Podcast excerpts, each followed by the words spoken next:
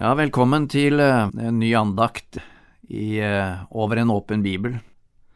Og som jeg eh, annonserte i går, så er den tittelen også en slags tema for meg denne uka.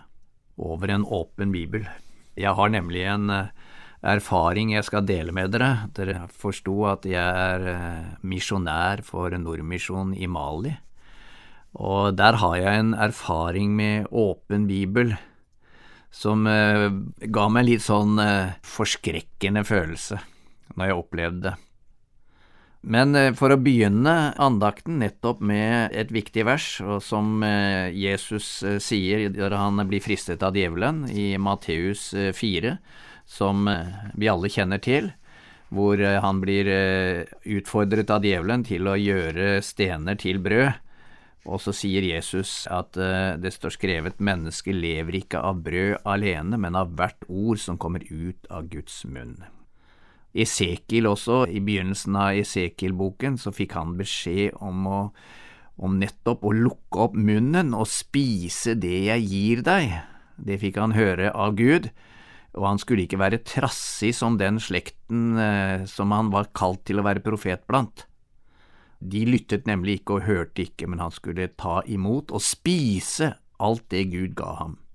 Så her har vi altså to eksempler på at uh, Guds ord er forbundet med noe spiselig, enten brød eller dette som uh, denne bokrullen som uh, Esekiel fikk beskjed om å spise, og som smakte søtt som honning. Og det var også det som jeg opplevde ute i Mali en dag jeg var på rypejakt og eh, hadde egentlig en veldig dårlig jakt, fordi jeg hadde ikke fått en eneste en når jeg gikk ut i grålysninga og på den aller beste tida, sånn at det hadde vært stang ut på en måte hele jakta. Jeg hadde ikke løsna et skudd, jeg hadde ikke fått ei rype, og jeg eh, satte meg på eh, støtfangeren på landcruiseren for å ta meg litt frokost, og etter frokosten så åpna jeg bibelen min. Og så der, enten det er jakt eller hva det er, så, så prøver jeg å ha en stille stund hver eneste morgen. Der satt jeg med en åpen bibel og ei bønneliste og hadde en stille stund, men så opplevde jeg noe, ja, det var ikke så spesielt, men jeg hørte en rypesteg som skratta ikke langt unna, hvor jeg visste det var en åker og jeg merket at det var utrolig fristende å legge vekk Bibelen, og det var ikke lenge jeg greide å holde meg før jeg la Bibelen på panseret på bilen, tok hagla og gikk etter de rypene.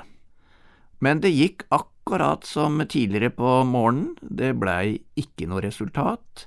Jeg fikk en lang tur, jeg rispet meg opp på skarp bambus og kom litt sånn uh, sliten tilbake til bilen, etter en lang runde uten å ha løsnet et skudd mot noen rype.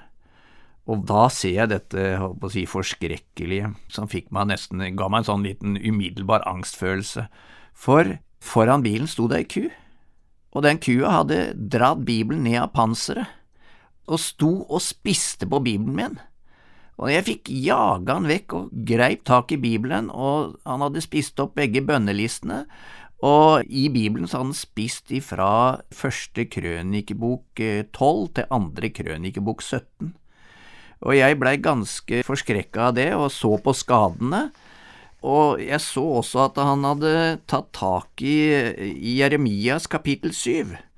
Der hadde, det la jeg merke til at han, han, hadde bladd seg videre på en måte der, og, og, var klar til å fortære også det, og jeg kunne ikke annet enn å legge merke til at akkurat det verset som var hans siste bit, der står det i 720, Derfor sier Herren Gud, se min vrede og harme skal øses ut over dette stedet, over folk og fe.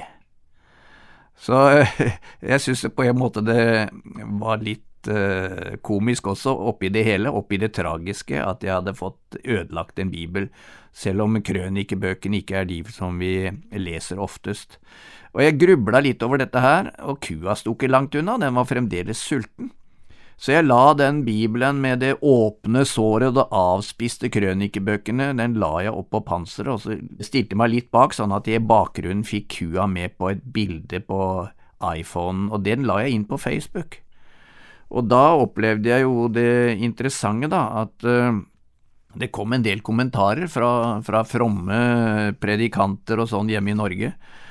En av Den første som kom, det var en predikant på Sør-Vestlandet. Han sa den kua hadde helt sikkert lest Jeremias 1516. Jeg fant dine ord, og jeg spiste dem. Dine ord ble til fryd for meg og til glede for mitt hjerte. Ja vel, tenkte jeg, ok. Og så, Men så interessant var så var det en annen en også som sa ja, hadde dette vært Koranen, så hadde den kua blitt skutt på stedet. Og da begynte jeg å tenke, ja vel, hva slags forhold har vi til, til Bibelen vår? Vet vi virkelig, og det gikk opp for meg, Guds ord er ikke først og fremst til for å være i en bibel, det er der for å eh, absorberes inn i livet vårt, inn i sjelen vår, inn i hjernen vår, inn i hjertet vårt. Vi skal spise det. Så den kua, den lærte meg noe, omtrent som eh, han uh, som eh, lærte av et esel i Det gamle testamentet, så lærte jeg litt av ei ku ute i Mali.